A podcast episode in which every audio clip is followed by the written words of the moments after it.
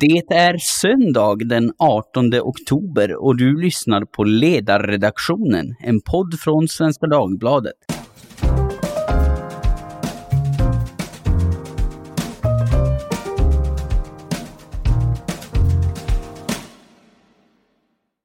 Jag heter Jesper Sandström och idag ska vi prata om psykoanalys. Mer specifikt då om psykoanalysens vara eller icke vara i vården och på vårdutbildningarna. Och Idén till den här podden, den väcktes av en artikel på DN Debatt tidigare i veckan, skriven av ett antal psykologer och psykoterapeuter med rubriken Pseudovetenskap frodas i vården och på universitetet. I korthet så menar de då, debattartikelns undertecknare, att eh, psykoanalys, alltså de teorier och behandlingsmetoder som utvecklades av den österrikiske läkaren Sigmund Freud och än idag vilar starkt på hans idéer, är just pseudovetenskap.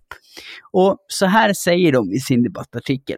Freud spekulerade fram tämligen extrema och fantasifulla teorier om hur psykiska störningar uppstod. I vissa fall är det också uppenbart att han ljög om att hans klienter har blivit förbättrade. Vidare påpekar de att Socialstyrelsens riktlinjer under lång tid har rekommenderat andra metoder, främst kognitiv beteendeterapi, alltså KBT, och i vissa fall interpersonell terapi, IPT. Det vetenskapliga evidensläget anses helt enkelt tala till de här metodernas fördel. Men trots det så spelar Freud en fortsatt stor roll på många universitet. På litteraturlistan för Göteborgs universitets grundutbildning till psykodynamisk psykoterapeut så finns han representerad med nio böcker. Och den här situationen vill artikelförfattarna ändra på. Men eh, då finns det andra som säger att vänta nu, sakta i backarna här. Det har inkommit ett antal repliker till den här första debattartikeln. En av dem författad av psykoanalytikern Per Magnus Johansson med rubriken Sigmund Freuds verk kan fortfarande tala till oss. Och där menar Johansson att Freuds idéer fortfarande kan utgöra ett verkningsfullt sätt att hjälpa människor som lider av psykisk ohälsa. Men eh, han säger också så här. Det krävs emellertid att vi inte läser klassiska texter som om de vore manualer, utan att vi sätter dem i sitt sammanhang och låter dem kreativt brytas mot vår samtid. Så vad är det egentligen som gäller här? Är psykoanalysen och Freuds idéer fantasifull pseudovetenskap som borde schasas ut? Eller finns det fortfarande någonting värdefullt i dem som vi riskerar att gå miste om om vi fokuserar allt för strikt på modernare metoder? Med mig för att diskutera det har jag den nyss nämnde Per Magnus Johansson, legitimerad psykolog och psykoterapeut och ordförande i Freudianska föreningen, samt två av undertecknarna till den sistnämnda kritiska debattartikeln, Mats Fredriksson, hjärnforskare och professor emeritus i klinisk psykologi, på senare år knuten till Karolinska institutet, och Dan Katz, legitimerad psykolog och psykoterapeut, samt författare och styrelsemedlem i föreningen Vetenskap och folkbildning. Så eh, jag vill börja med att tacka er för att jag och våra lyssnare får låna er dyrbara tid denna vackra oktober eftermiddag. Men om vi börjar med dig Mats, varför medverkade du i den här debattartikeln? Varför tycker du att det här är en viktig fråga? Ja, det, det enkla svaret är att jag tycker att människor som har ångest och depressionsproblem ska få den bästa behandlingen och, och framförallt när den är skattefinansierad. Jag satt med i Statens beredning för utvärdering av medicinsk verksamhet i många år och gick igenom all behandling som gällde äh, ångest. Vi läste allt som både psykologisk behandling och farmakologisk behandling. Och det som stod klart efter den granskningen det är att de behandlingseffekter som man får på ångest de, de får man på bästa sätt med kognitiv beteendeterapi och i viss mån med antidepressiva preparat. Men psykoanalysen fanns det inget stöd för att den skulle ge några behandlingsframgångar. Det finns ett visst litet stöd för att psykodynamisk terapi kan användas i vissa ångesttillstånd, i paniksyndrom. Men, och sen satt jag med i Socialstyrelsens grupp för, som skrev riktlinjer för behandling av ångest och depression. Och det är precis samma eh, sak som händer där om man studerar all litteratur som finns. att KBT för mild till måttlig depression har en god effekt. Eh, och det finns lite stöd för psykodynamisk terapi men det finns inget för psykoanalys. Och jag tycker då att ge legitimation utan att kräva KBT-utbildning är fel. Och det tycker Socialstyrelsen också därför att man rekommenderar de här behandlingsformerna. Ja, jag förstår. Och eh, Dan, vad säger du? Har du samma ingång som Mats här? Eh, ja, jo, eh, det, det, det får jag verkligen skriva under på det som Mats säger. Och det, jag kan väl tycka att det är lite synd att den här artikeln, att det blev sånt fokus på vår kritik av Freud för att vad det här framförallt handlar om är ju att vi utbildar folk i ett vårdyrke där man faktiskt enligt lag är skyldig att behandla i enlighet med vetenskap och beprövad erfarenhet.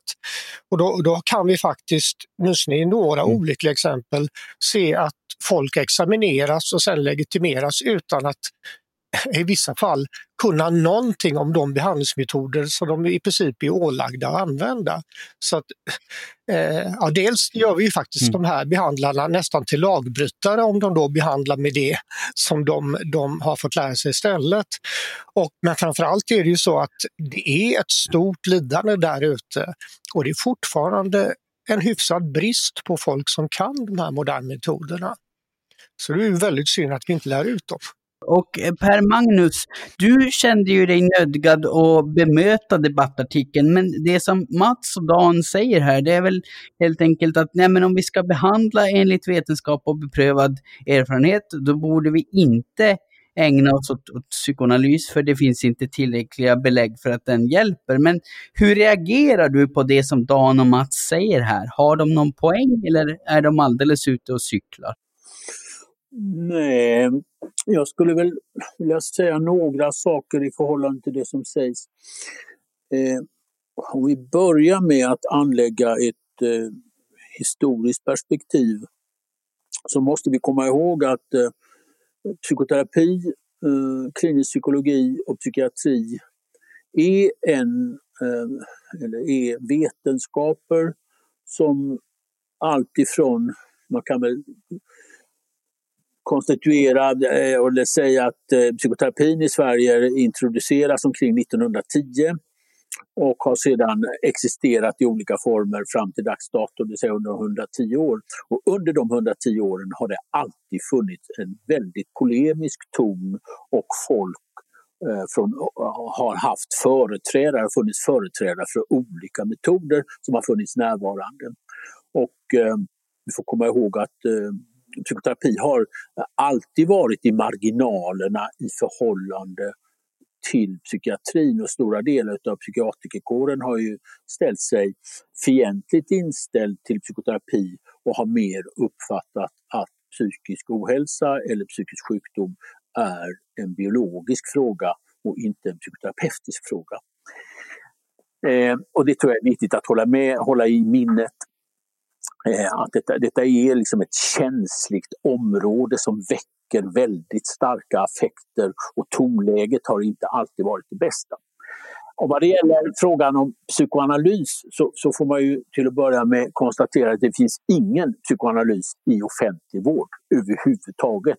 Jag har själv undervisat under många år eh, vid Sahlgrenska universitetssjukhuset i psykiatriker där vi har haft en eklektisk utbildning, det vill säga vi har haft både eh, KBT och vi har haft psykodynamisk eh, psykoterapi, vi har haft en legitimerad psykoterapeut som är psykiatriker, specialist i psykiatri och så har vi varit några som har forskaranknytning. Jag är ju också skrivit en avhandling och är docent. Och vi har haft människor som har haft forskaranknytning och diskuterat olika metoder i förhållande till enskilda patienter. Psykoanalys förekommer ju aldrig överhuvudtaget om vi med psykoanalys menar någonting som påminner om det som Freud en gång pekade ut eller gav en struktur då man träffades fem till sex gånger i veckan eh, under en längre tid eller mer moderna former där man kanske träffas tre eller fyra gånger i veckan. Psykoterapiinslaget i den offentliga vården inom psykiatrin handlar ju snarare om att man träffar patienter eh, kanske 5 till 12 gånger, i några fall 20 gånger.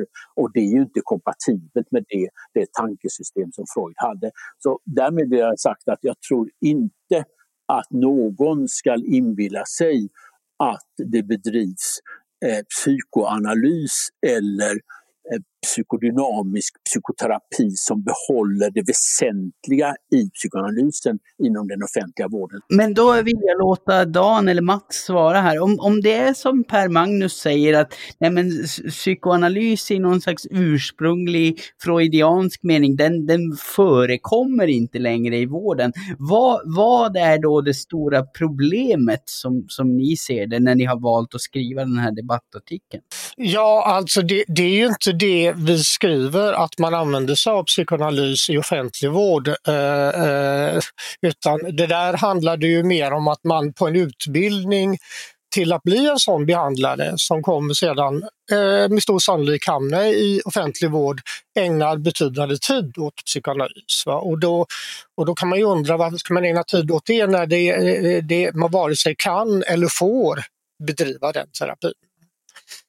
Eh, sen skulle jag också vilja kommentera det eh, eh, Per Magnus säger att det alltid har varit en polemik mellan olika metoder och det, det är alldeles korrekt. Det har varit ett fruktansvärt bråk. Eh, och det har ju väldigt mycket berott på att man, man, man har använt sig av olika teorier som man egentligen inte kan, kan stödja i, i, i mer objektiva situationer, alltså vetenskapliga experiment. Va? och vetenskapligt eh, utförda studier. Och, och, det är ju där vi nu har fått ett fantastiskt genombrott för psykologisk behandling tack vare att man har börjat utvärdera vad man gör på, eh, på ett vetenskapligt sätt.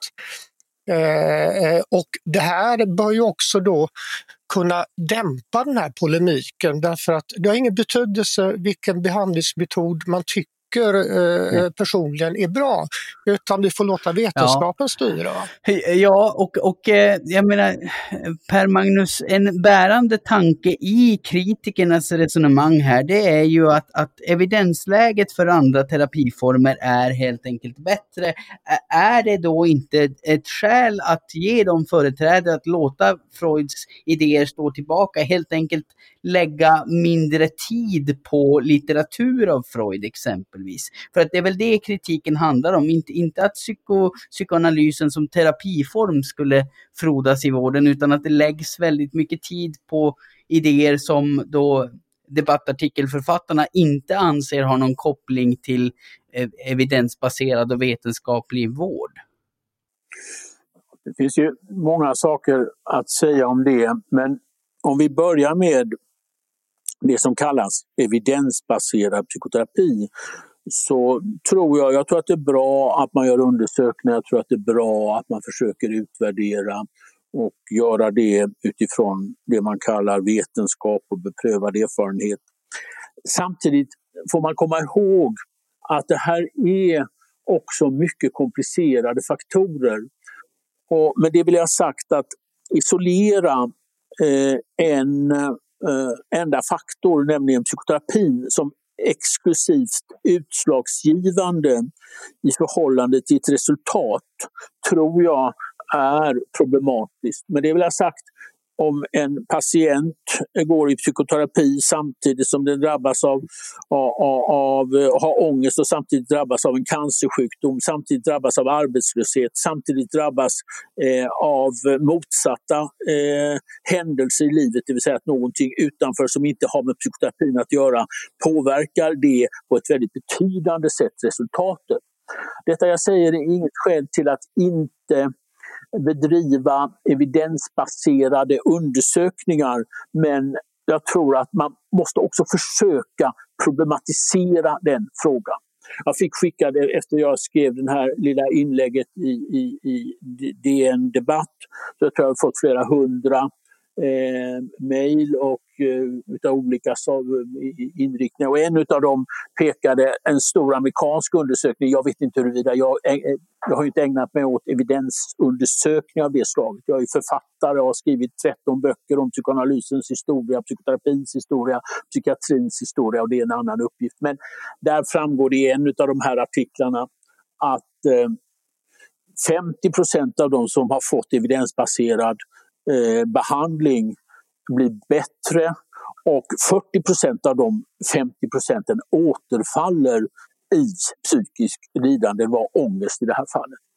Men det vill jag sagt, det är ingen anklagelse vare sig mot behandlarna eller mot dessa undersökningar. Jag vill bara ha sagt att vi vet om att den psykiska ohälsan ökar i landet generellt sett. Jag talade igår med en verksamhetschef, jag ville höra lite grann hur det är med patienterna.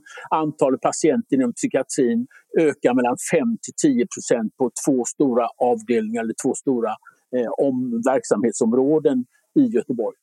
Men det är sagt, vi lever också i ett samhälle som skapar psykisk ohälsa och jag tror att vi har ett gemensamt intresse att göra vårt bästa på alla upptänkliga sätt för att hjälpa den stora mängden av människor som faktiskt befinner sig eh, i en svår situation. De här diskussionerna är ju inte för någonting mellan några få människor som råkar skriva eller tänka de här. Den här diskussionen är väsentlig därför det berör hundratusentals människor. Psykisk ohälsa är det vanligaste skälet till att man sjukskriver människor. Ja, um, och eh, om, om, om Mats då, om du, du som har ägnat ändå mycket tid åt att ja, men liksom utreda evidensläget, utreda vad som fungerar och varför. Hur skulle du svara på det Per Magnus säger här? Alltså, eh, riskerar vi att gå miste om kloka idéer och fungerande sätt att hjälpa människor att må bättre till följd av någon slags överdriven stringens i vilka metoder vi väljer? Nej, nej det tror jag inte. Jag kan hålla med om att i ett enskilt fall så är det naturligtvis svårt att isolera effekten. Och det är ett av de bärande skälen till varför vi ska göra studier på många människor. Och för då, då kommer då de som har en speciell eh, eh anledning att bli bra eller inte bli bra. De kommer att slumpas i olika grupper som får eller inte får behandling eller som får en effektiv behandling eller får en placebobehandling. Så att den frågan är inte svår att avgöra på gruppnivå. Däremot så när det gäller en ett enskilt fall så är det naturligtvis alltid krångligare.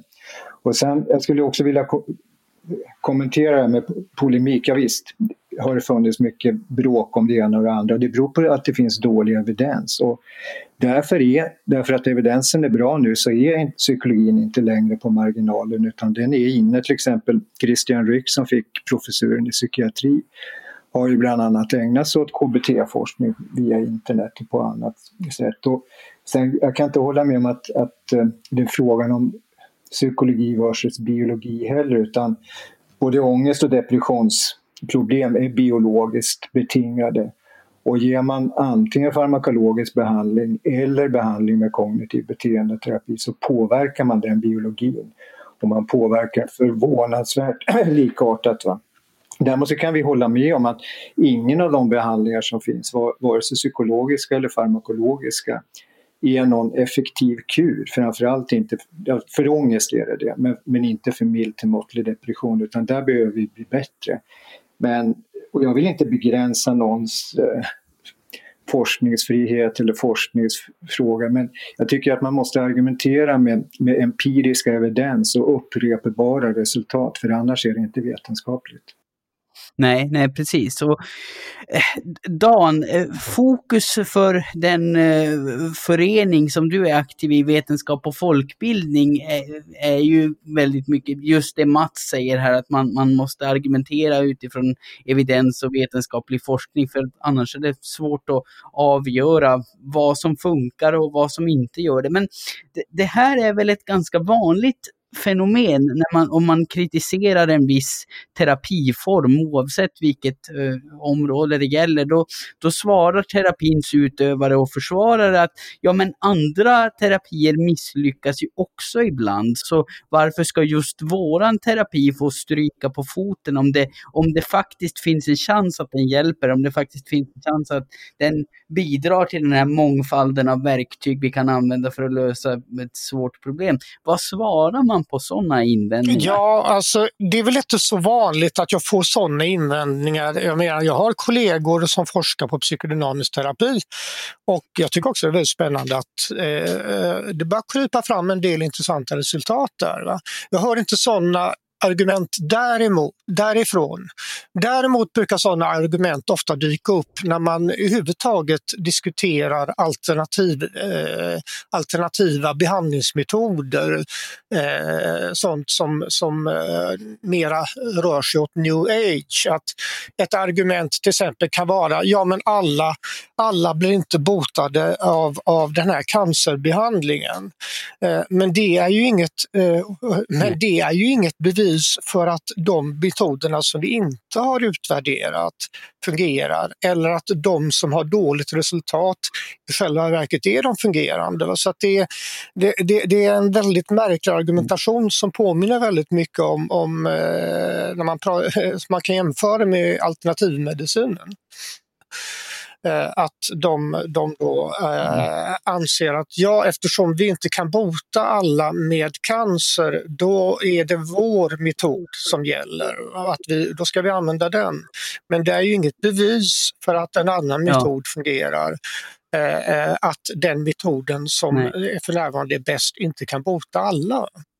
Nej, Nej, precis. Nej, och eh, jag menar Per Magnus, hur, hur förhåller du dig till det? Jag menar om, om de, för du säger att du, du själv är författare och har, har skrivit primärt om de här idéernas historia. Och, men om det är så att de som har granskat evidensen kommer fram till att andra terapiformer lyckas bättre, instämmer du då i att man i högre grad borde fokusera på dem? Det bästa som finns det är att patienterna får hjälp. Det är den absolut bästa lösningen. Och ju mer människor som är övertygade om att de kan hjälpa människor som har svårigheter av skilda slag, ju bättre är det. Och kan någon person garantera behandlingsframgång Eh, så tycker jag att den personen ska göra det. Man får ändå komma ihåg att psykoterapi generellt sett, eh, och jag upprepar vad jag sa, det är inte så att de flesta inom den offentliga vården går i några långa psykoterapier. Det, det, det, det finns, eh, vi lever under historiska betingelser där sparbeting präglar snarare psykiatrin. Trots att psykiatrin mellan Eh, 2016 och 2021 har fördubblat eh, sina, har staten och fördubblat investeringarna och satsningar på psykiatrin så är det ändå på det sättet på grund av ett ökat antal patienter att det som präglar psykoterapin är snarare den farmakologiska behandlingen som är dominerande. Psykoterapi däremot, om jag får tala till punkt här, eh, så ett, ett, för, för mig ett, ett väsentligt försvar för, för um, psykoanalys uh, det är att det är en teori som låter människor över tid försöka tala till en annan människa som lyssnar till dem, att över tid få ett perspektiv på sitt liv, över tid lära sig att känna igen vem man är, vad man vill och hur man kan lyssna på andra människor. Den behandlingsformen tror jag inte har sin huvudsakliga plats i den offentligfinansierade psykiatrin. Utan jag tror att det är mycket mer två människor som som frivilligt väljer den form av behandling. Det utesluter inte att en person som har en sådan erfarenhet i den offentliga vården blir bättre på att förstå, bättre på att lyssna, bättre på att förbinda sig till en annan person under kort tid och om de två får möjligheter att jobba psykoterapeutiskt tillsammans.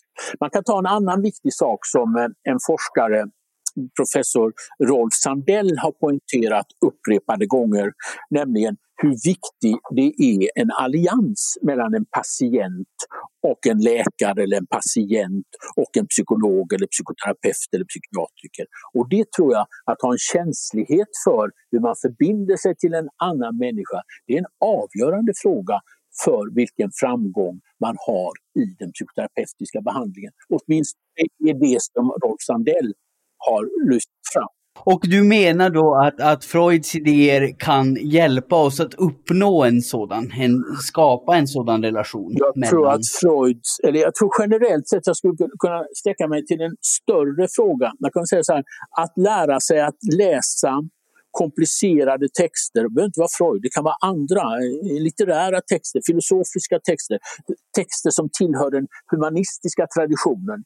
Jag har ju en humanistisk utbildning genom att jag är docent i idé och lärdomshistoria och jag har uppfattat ett stort värde i att kunna läsa texter också i min kontakt med eh, andra människor, till exempel patienter. Och det tror jag är viktigt att också lära sig eh, som psykolog. Mm, det, det instämmer vi nog i allihop, att det är värdefullt att kunna dels kunna läsa komplicerade texter, dels kunna sätta sig in i och ha förståelse för andra människors livssituation. Men om ni ska svara Dan eller Mats, det, det Per Magnus säger här Eh, är, är det ett tillräckligt argument för att låta, som till exempel på Göteborgs universitet, låta nio originalverk av Freud vara kvar? Kan, kan det spela en värdefull roll på, på det sätt som Per Magnus säger, eller borde universitetet agera annorlunda? Nej, men jag tycker att det som Per Magnus säger, det är väl i själva verket ett argument för att vi ska ha behandling eller förlåt, utbildning i behandling som är strukturerad och manualfokuserad eftersom den offentliga vården inte har tid och lust och råd och allt möjligt med långa, långa behandlingar. Så att det, det är väl ytterligare ett skäl till att vi ska göra det. Sen vill jag kommentera det här med allians. Att, eh, visst, det är klart att det är viktigt att två människor tycker om varandra och inte är fiender om man ska hjälpa varandra. Men det är inte bara det det gäller utan alla de internetbaserade terapier som finns fungerar och de fungerar utan att man har kontakt med någon enskild, enskild person. Vi vet inte exakt vad skälet till att de här terapierna fungerar är men ett annat alternativt synsätt och som jag tycker har mera stöd det är att de metoder som vi använder för exponering och för tankeförändring är de som är effektiva och verksamma och inte att man enbart har en relation med en annan människa, för det räcker inte. Nej, nej precis. Eh, och vad, vad, säger du Dan? Alltså, ehm, finns det något vi, vi går, eh, kan gå miste om, om om vi skippar Freuds idéer? Eller tror du som Mats att nej men, nej, men de här metoderna som vi föreslår istället, de, de erbjuder ett fullgott alternativ? Eh, ja, alltså någonting vi går miste om. Jag tycker ju att det är väldigt intressant Eh, ur ett idéhistoriskt perspektiv att psykoanalysen fick ett sånt genomslag. Och det, eh, det, det, ur den synvinkeln så tycker jag det är väldigt intressant. Eh, och det är intressant att den fortfarande Eh, kanske inte så mycket inom vården men inom eh, kulturen har ett sånt genomslag. Och jag tror det därför att den, den, den kändes spännande men jag tror också att den erbjöd ett alternativ för den moderna människan att, eh, eh, eh, liksom hitta något annat att tro på när religionen spelade ut sin roll. Eh, det här tror jag att Per Magnus kan mycket mer om. Men, men jag, jag, skulle dock vilja säga en sak här att absolut tror jag att det för många personer kan vara värdefullt att föra intelligenta samtal med en annan människa. Eh, men jag kan faktiskt se en viss fara i eh, om den här människan anses vara en auktoritet och Eh, eh, då ska förmedla kunskap som faktiskt inte är baserad på vetenskap. För då kan vi faktiskt hamna i värsta fall i ett litet eh, osunt guruförhållande. Va? Eh, så att, så att jag är lite tveksam till att eh, i så fall ett sådant samtal ska föras med någon som baserar sin bild av människan på psykoanalysen. Mm. Och, och vad, vad, vad, säger du om den kritiken Per Magnus? Att den, den bild av människan som förme, förmedlas i Freuds idéer, den, den stämmer kanske inte riktigt. Så den, eh, den kan ge upphov till liksom en, en osund relation mellan psykoanalytiker och patient. Jag tänkte säga några saker med anledning av det Dan säger. Eh, alltså det är absolut väldigt intressant att se hur eh, olika eh, teorier och tankar eh, får eh, betydelse för många människor och när de idéerna släpper. Och det finns många saker i det postmoderna samhället, eller det samhälle som vi idag lever i, som är mycket komplicerat. Vi har ett annat förhållande till religionen, vi har ett annat förhållande till de stora berättelserna, till de politiska berättelserna och eh, vi har ett annat förhållande också till psykologi. Det finns en annan mycket intressant sak som jag Eh, i samband med att jag håller på med ett litet eh, forskningsprojekt om, om psykoterapi i Skåne. Och där konstaterade man att 1959 fanns det en psykoterapeut i området mellan eh, Malmö fram till, upp till Helsingborg. En psykoterapeut, han heter Nils Nilsson och var läkare och hade en mottagning i Malmö och i Åkarp. Idag finns det över tusen psykoterapeuter av skilda inriktningar. Man har gått alltså från slutet av 50-talet till dags dato från 1 till 1000. Och därmed tror jag vi kan ställa en annan fråga. Psykologin och psykiatrin idag har fått en annan funktion på olika sätt för väldigt många människor. Och där har man en bred skala.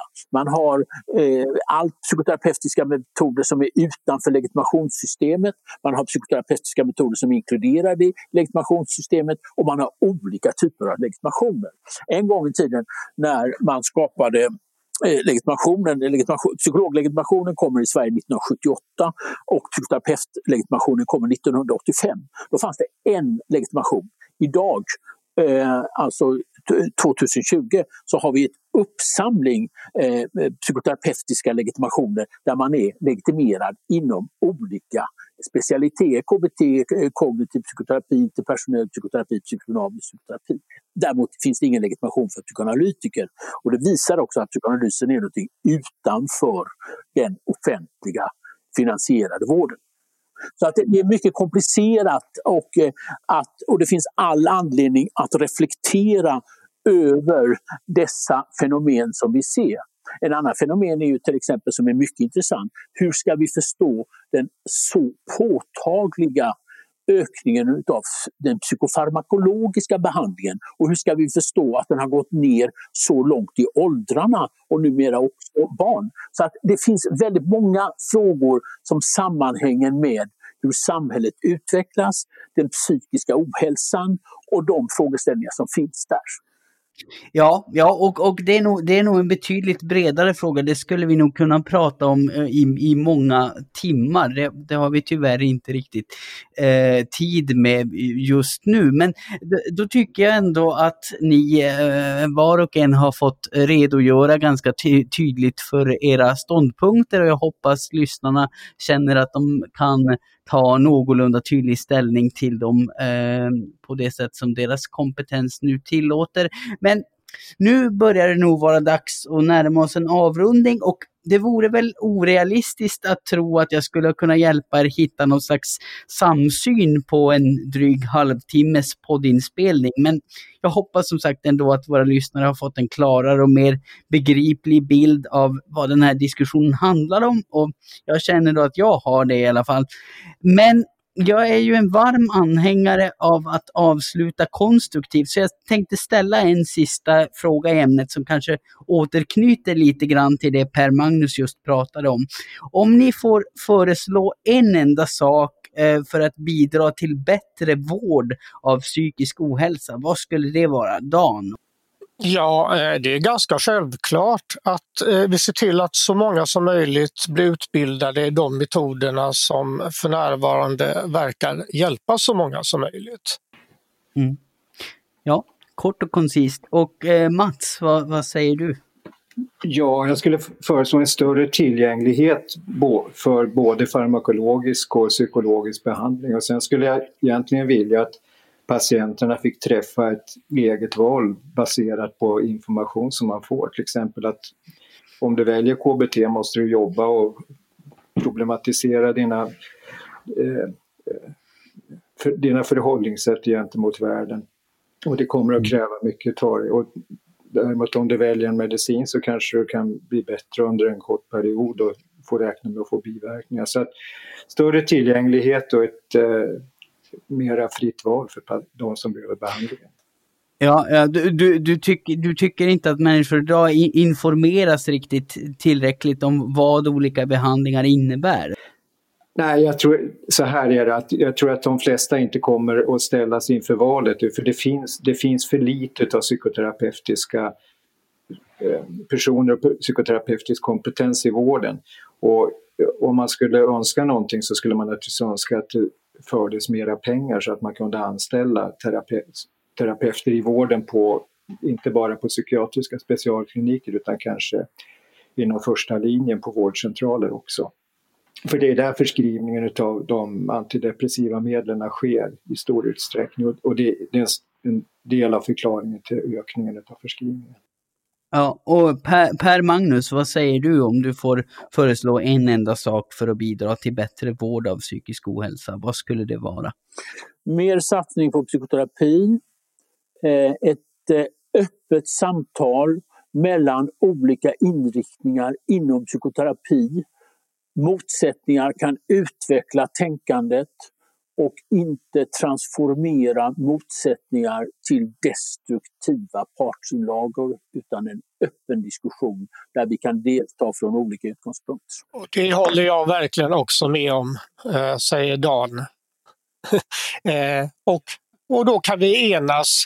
Låt vetenskapen styra och eh, så struntar vi i om man identifierar sig som psykoanalytiker eller kognitiv beteendeterapeut. Låt vetenskapen avgöra vad det är som gäller. Ja, för det viktiga för patienten är inte utgångspunkten utan resultat. Ja, ja precis. Ja, det, det låter ju onekligen som en sund och rimlig sammanfattning.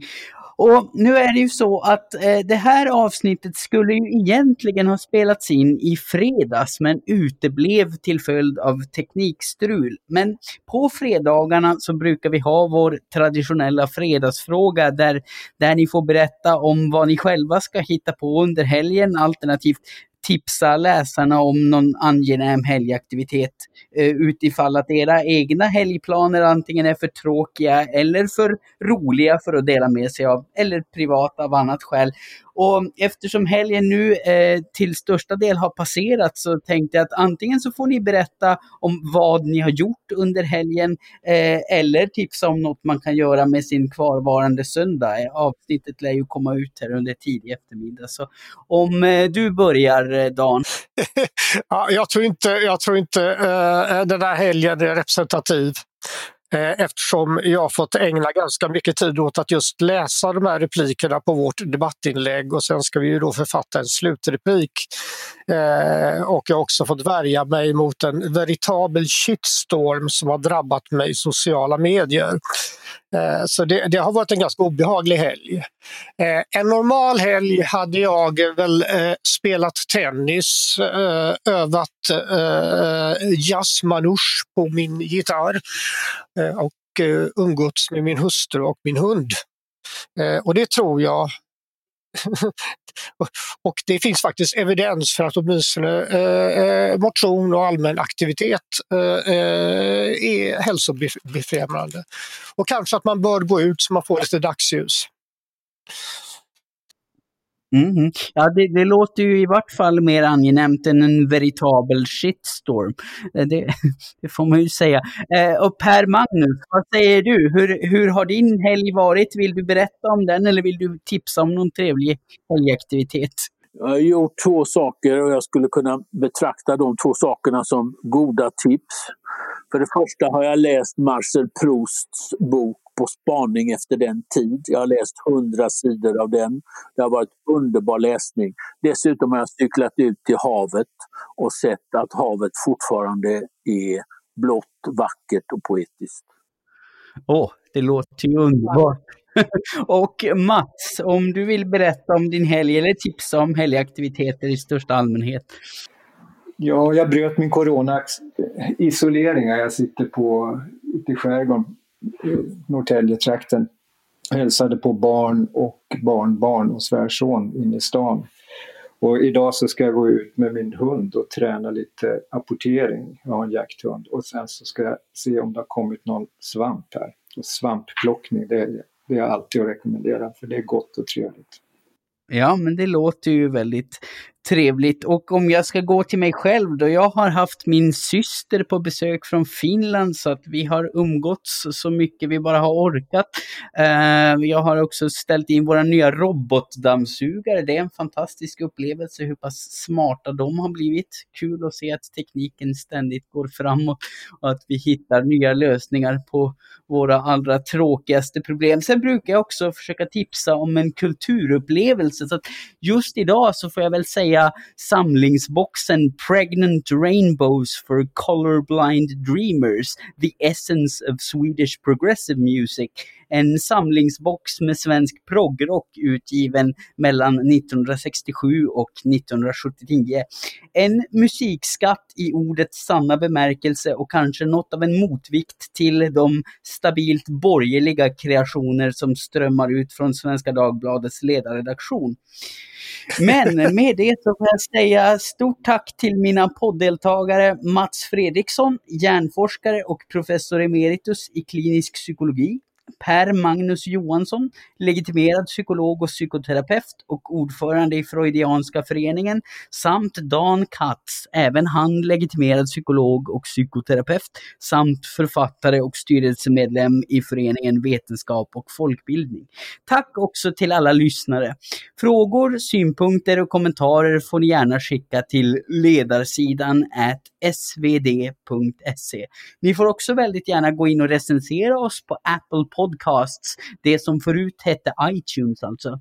Så att fler kan hitta till denna gemytliga, lärorika och kanske framförallt ödmjuka podd. Trevlig helg, ta hand om er, fortsätt hosta i armvecket och hålla avstånd så hörs vi alldeles snart igen. Trevlig helg skulle jag naturligtvis inte ha sagt utan det kommer ur mitt fredagsmanus. Förlåt mig och hej då!